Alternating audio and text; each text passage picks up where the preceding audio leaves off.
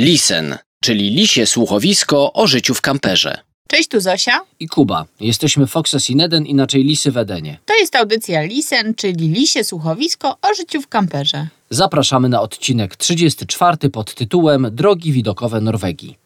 W dzisiejszym odcinku zabieramy Was w trasę naszym przewoźnym domem. Wbrew pozorom, Van to nie tylko odpoczynek na łonie natury, to też godziny spędzone w szoferce na przemieszczaniu się. Tak nawiasem mówiąc, po 22 miesiącach w podróży zaczęły nas zboleć plecy, czyli mamy chorobę zawodową. Mnie bolą bardziej plecy, Zosie bardziej boli klatka piersiowa, ale podejrzewamy, że to też jest jakiś promieniujący ból z kręgosłupa. Miejmy nadzieję, że to się jakoś ułoży. Pójdziemy do ortopedy i po prostu, nie wiem, no będziemy więcej ćwiczeń robić jakiś w plenerze. Ewentualnie zmienimy po prostu fotele, y, które mamy w szoferce. No też prawda, bo często w kamperach są takie wygodne, a my mamy takie zwykłe, powiedzmy standardowe, ale też powinny być dostosowane do dłuższych jazd. No w każdym razie, nieważne. To nie jest tematem To odcinka. nie jest tematem odcinka, tutaj może zrobimy odcinek y, zdrowie w drodze na przykład taki, ale to nie dzisiaj. Jeżeli chodzi o naszą podróż, to przyznamy się, że w ideale zawsze byśmy wybierali takie drogi jak przez ostatnie trzy dni, bo to były przepiękne drogi. Czasami to są po prostu zwykłe drogi, wiadomo jak jest. No, jedziemy czymś nudnym, a tutaj było pięknie, tutaj były góry, tutaj były widoki, zjazdy strome, podjazdy strome. No naprawdę żyć, nie umierać, jeździć, Jeździć. nie stawać. Tematem dzisiejszego odcinka są trzy trasy: droga atlantycka, droga troli I droga, orłów. Zapnijcie pasy, startujemy. Zaczynamy od drogi atlantyckiej. Trafiliśmy na tę drogę trochę za 5.12, tuż przed ulewami. Zdążyliśmy ją przejechać do, powiedzmy, we względnym słońcu. Mimo, że podobno polecane jest przejechanie tej drogi w czasie sztormów, bo wtedy jest najbardziej malownicza, woda się przelewa przez takie groble, po których się jedzie i no, dostarcza to niezapomnianych wrażeń. My nie byliśmy przekonani, no bo jednak wolelibyśmy tym domem naszym dalej jeździć, niż się gdzieś przewrócić na takiej grobli, na przykład zmiecieni falą. Albo zalani. Zalani możemy być w domu, ale wolimy nie mieć zalanego domu. Okej, no dobra, ale nie dość, że nie było ulew, to jeszcze tej wody było mniej niż zwykle, ponieważ my akurat tę trasę atlantycką przemierzaliśmy w czasie odpływu. Bo jak sama nazwa wskazuje, to jest droga, która jest położona na wodzie, nad brzegiem. No ona jest krótka, ona ma 8 km, jest połączona ośmioma mostami. Składa się z ośmiu mostów, które znajdują się na wyspach. albo między wyspami nawet, no bo most na wyspie, może okej, no. Może okej. E, Między wyspami, między dość małymi wyspami, podobno to jest raj dla wędkarzy. Podobno ryb w tej wodzie jest naprawdę zatrzęsienie, ale my nie wędkujemy, my jedziemy dalej. Na samym końcu odcinka opowiemy, która z tych dróg podoba nam się najbardziej, którą najbardziej polecamy. I już tutaj mogę zaznaczyć, że może tajemniczym zbiegiem okoliczności pojawi się jeszcze jedna droga? Oby nie droga do nieba. A propos drogi do nieba, to jeszcze tutaj wrócę do drogi atlantyckiej. Warto zatrzymać się na takim dużym parkingu, jak już wjedziecie sobie na tę drogę. Zależy skąd wjeżdżacie, bo myśmy wjeżdżali od północy i A tam masz jest ten rację. parking. No właśnie, ale ja mam powiedz... wrażenie, że wszyscy z tej samej strony zawsze wjeżdżają. Nie, no właśnie paradoksalnie myślę, że wiele osób jedzie z południa, no bo zwiedza Norwegię po prostu począwszy od południa, do którego się dociera z Polski. Natomiast no myśmy jechali od północy i tam jest taki duży parking, on jest na samym początku właśnie. I czemu jest warto się na nim zatrzymać, Zosiu, kochana? Dlatego, że po pierwsze, widzimy sobie już z lądu, czyli jak sobie staniemy naprzeciwko trasy, e, widzimy taki charakterystyczny dość most. Pewnie jak sobie wpiszecie Droga Atlantycka, to on od razu się pojawi w internecie. I on wygląda trochę jak taka wyskocznia. Ja mam wrażenie, że samochody, które e, tam już na, na końcu tego mostu się znajdują, wyskakują i lecą długo, długo lecą w przestrzeń, Czyli nie trzeba było w ogóle robić tych mostów, bo wystarczyło wyskoczyć z pierwszego i przelecieć tam te 8 kilometrów całe, Przelecieć od razu na południe można by. niczym ptaki. No ten most po prostu ma taki kształt wypukły, można powiedzieć, taki łukowaty i przez to samochody chowają się za szczytem tego mostu i z pewnego punktu, jak się obserwuje go, to wygląda właśnie tak, jakby się urywał. Robi wrażenie. Robi wrażenie, to jest jedyny chyba taki most, który w ten sposób wygląda, albo przynajmniej takie wrażenie sprawia. E, Natomiast na tej wyspie czy na tym parkingu można się przejść takim ciekawym deptakiem wokół tej wysepki, bo to jest mała wysepka. To, ten spacer zajmuje raptem z 10-15 minut maksimum, jak się zdjęcia robi jeszcze. No ale jest ciekawy, bo można sobie przejść w stronę wody, zobaczyć tą drogę z trochę większego dystansu, z takiej perspektywy. No i polecamy. Akurat jak byliśmy, to y, tam trochę wiało, no ale nie dziwne, otwarta woda właściwie. Myślę, że zawsze wieje, więc y, kaptur i trochę grubsza kurtka polecana. Mimo, że droga atlantycka ma tylko 8 km, to kontynuowanie trasy jest polecane. Cała trasa z wyspy, na której zaczyna się droga atlantycka z Averey, mm, aż do miejscowości o nazwie But ma 36 km i ona należy do narodowych szlaków turystycznych. Przejechaliśmy się tą trasą. No to jest trasa, jak możecie sobie wyobrazić, przy wybrzeżu, przy nadbrzeżu. Były ładne fragmenty, było parę przyjemnych postojów, ale ja przyznam szczerze, że no taka droga malownicza, ale takich dróg trochę już widzieliśmy. Niemniej na pewno o wiele bardziej warto pojechać tą drogą niż jakąś trasą przelotową. Naszym aktualnym celem jest południe Norwegii, więc przemieściliśmy się trochę w dół mapy. Pojechaliśmy w stronę południowo-wschodnią, żeby zobaczyć najbardziej atrakcyjny punkt Norwegii, najbardziej polecaną drogę Norwegii o nazwie Droga Trolli. Ona się nazywa Trollstigen ale w wolnym tłumaczeniu to znaczy drabina troli. To jest droga, która składa się z 11 ostrych zakrętów, to jest taka serpentyna, która się pnie po stromym zboczu.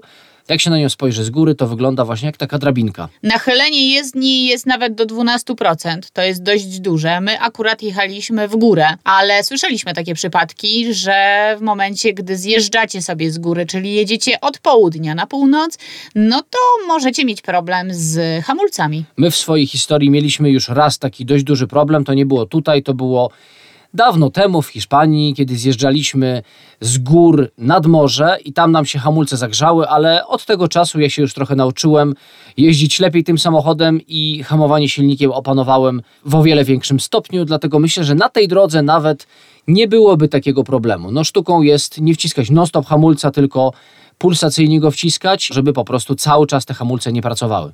Porada od kierowcy Lisa. Zapamiętajcie, zapiszcie, cofnijcie audycję i jeszcze raz odsłuchajcie. E, wracając do tej drogi, wjeżdżając na górę warto się zatrzymać w paru miejscach, chociaż nie jest to proste, bo ona jest dość wąska. Natomiast są takie miejsca, które są przeznaczone trochę do mijania, a trochę do takiego krótkiego postoju na zdjęcia. Oczywiście nie byliśmy sami, wiele osób się zatrzymywało, nawet niekiedy o wiele większe kampery. Warto jest spojrzeć na widoki, bo one są naprawdę bardzo piękne. Cały czas towarzyszy nam szum wodospadu, który się nazywa Stickfossen. On spada z wysokości 180 metrów i w połowie trasy mniej więcej można się zatrzymać przy takiej takiej właśnie zatoczce, przy tym wodospadzie, zobaczyć go sobie z bliska. Jest e, stary, charakterystyczny most, na pewno będziecie wiedzieli, w którym miejscu należy się zatrzymać. Ja tylko jeszcze bym dodała, że oczywiście przejechanie tej trasy samochodem jest e, polecane, jest warte uwagi, ale też można się na początku trasy, jak już mówimy e, od strony północnej, na początku trasy zatrzymać na parkingu i są wyznaczone dwa szlaki. Jeden dość krótki, taki raczej tylko przy rzece, e, po płaskim, ale drugi, już trochę dłuższy. On ma nieco ponad 5 km, nie wydaje się to być jakaś e, straszna odległość, aczkolwiek wzniesienie jest chyba do 400 metrów. I wtedy ten szlak, jak się pomyśli o tych 400 iluś metrach i 5 kilometrach, no okazuje się być bardzo wymagającym szlakiem, ale wtedy docieramy na górę o własnych siłach, no i to jest niewątpliwie wielka nagroda, ale zanim zbudowano drogę troli w latach 30., to ta ścieżka, która się nazywa Klefstein, była wykorzystywana, można powiedzieć, na co dzień przez okolicznych mieszkańców do tego, żeby się przemieszczać między dwoma regionami. My wykorzystaliśmy jednak nasz pojazd do tego, żeby się przemieścić po tej drodze troli i dojechać na sam szczyt. Na szczycie znajduje się duży parking, z którego warto skorzystać, warto wysiąść z samochodu, przejść się kawałek i tam znajdują się dwa punkty widokowe, takie tarasy widokowe zwieszone, z których można zobaczyć panoramę doliny i można zobaczyć te 11 zakrętów, które już pokonaliśmy, czyli tą drabinę troli. Droga troli jest fragmentem drogi numer 63 i tą drogą udaliśmy się dalej. Przyznam, że naprawdę bardzo jest to piękna droga i jeżeli ktoś będzie się zastanawiał w tamtych rejonach, którędy jechać, to zdecydowanie warto tędy właśnie jechać, bo później nie za tak długo, po jednej przeprawie promowej docieramy do kolejnego fragmentu tej trasy, bardzo znanego, czyli do drogi Orłów. Kierowaliśmy się do Geiranger Fjord, najbardziej polecanego, najpiękniejszego podobno fiordu w całej Norwegii i właśnie na północ od Geiranger e, znajduje się ta droga Orłów. Podobno faktycznie można czasami na niebie dostrzec takie sylwetki ptaków. Nam się nie udało, przynajmniej ja nie zauważyłam. I tym razem do tej drogi dotarliśmy od góry. To znaczy drogą troli wjeżdżaliśmy od dołu, a teraz zjeżdżaliśmy z tej drogi orłów, więc na samym początku drogi przywitał nas punkt widokowy. Ja wolę zjeżdżać, szczerze, niż wjeżdżać. Bardziej widowiskowe to jest. No tak, bo jesteśmy twarzą do przestrzeni wtedy, a jak jedzie się pod górkę, no to raczej widzimy głównie drogę, jakieś tam może fragmenty otwarć na zakrętach. Co ciekawe, ta droga też składa się z 11 zakrętów. Wracając do punktu widokowego, nazywa się on zakręt Orłów, no i stamtąd możemy obserwować cały fiord Geiranger, miasteczko Geiranger, no i wybrzeża tego fiordu, a właściwie takie zbocza skaliste, na których niegdyś było troszkę malutkich osad, co jest w ogóle niesamowite, bo tam y, dwa kroki z domu i spadamy w przepaść. Spada też woda, ponieważ wodospadów tam jest pod dostatkiem. My też wybraliśmy się na taki spacer w okolicach Geiranger, właśnie po to, żeby doświadczyć tych wodospadów. Najwyższy punkt drogi Orłów to jest 620 metrów nad poziomem morza, ale my jechaliśmy dalej w stronę południa i nawet jechaliśmy już na wysokości 1000 metrów nad poziomem morza. Podążaliśmy dalej drogą numer 63, o której wcześniej już mówiliśmy. To jest droga krajobrazowa, przepiękna i właśnie za Geiranger wspinamy się powoli po zboczach, żeby dotrzeć do tej wysokości 1000 metrów. No i tam krajobraz już jest taki bardziej księżycowy. Jedziemy taką przełęczą, chyba można tak to nazwać. Wzdłuż drogi są miejsca, w których możemy się zatrzymać, pójść na krótki spacer. Są jeziora, są rzeki. Mnie ten fragment drogi naprawdę urzekł. Pięknie było, chcieliśmy nawet zatrzymać się na dłużej, postawić tam swój dom i właśnie takich zatoczek jest sporo. Widzieliśmy sporo też kamperów. No i jedyny minus, jeśli już e, mówimy o kamperach, o mobilnych domach, to to, że jest bardzo bliska odległość od ulicy. Nie można było za bardzo odjechać od e, tej ulicy i być trochę w naturze, trochę w ciszy, trochę w spokoju. Dlatego zrezygnowaliśmy, tylko przejechaliśmy ten fragment, ale każdemu na pewno polecamy drogę 63. I takim oto sposobem wszystkie drogi doprowadziły nas do końca odcinka, ale zanim jeszcze pożegnamy się z Wami, chcielibyśmy właśnie, tak jak wcześniej wspomnieliśmy, zrobić ranking, subiektywny ranking dróg norweskich, o których dzisiaj opowiedzieliśmy. Na miejscu numer chyba cztery, można powiedzieć, bo jednak cztery te drogi się pojawiły. Tak, tak. A Jest? to robimy ranking wspólny, czy taki każdy swój osobisty? Ja myślę, że będzie dokładnie to samo. No dobrze, zobaczymy.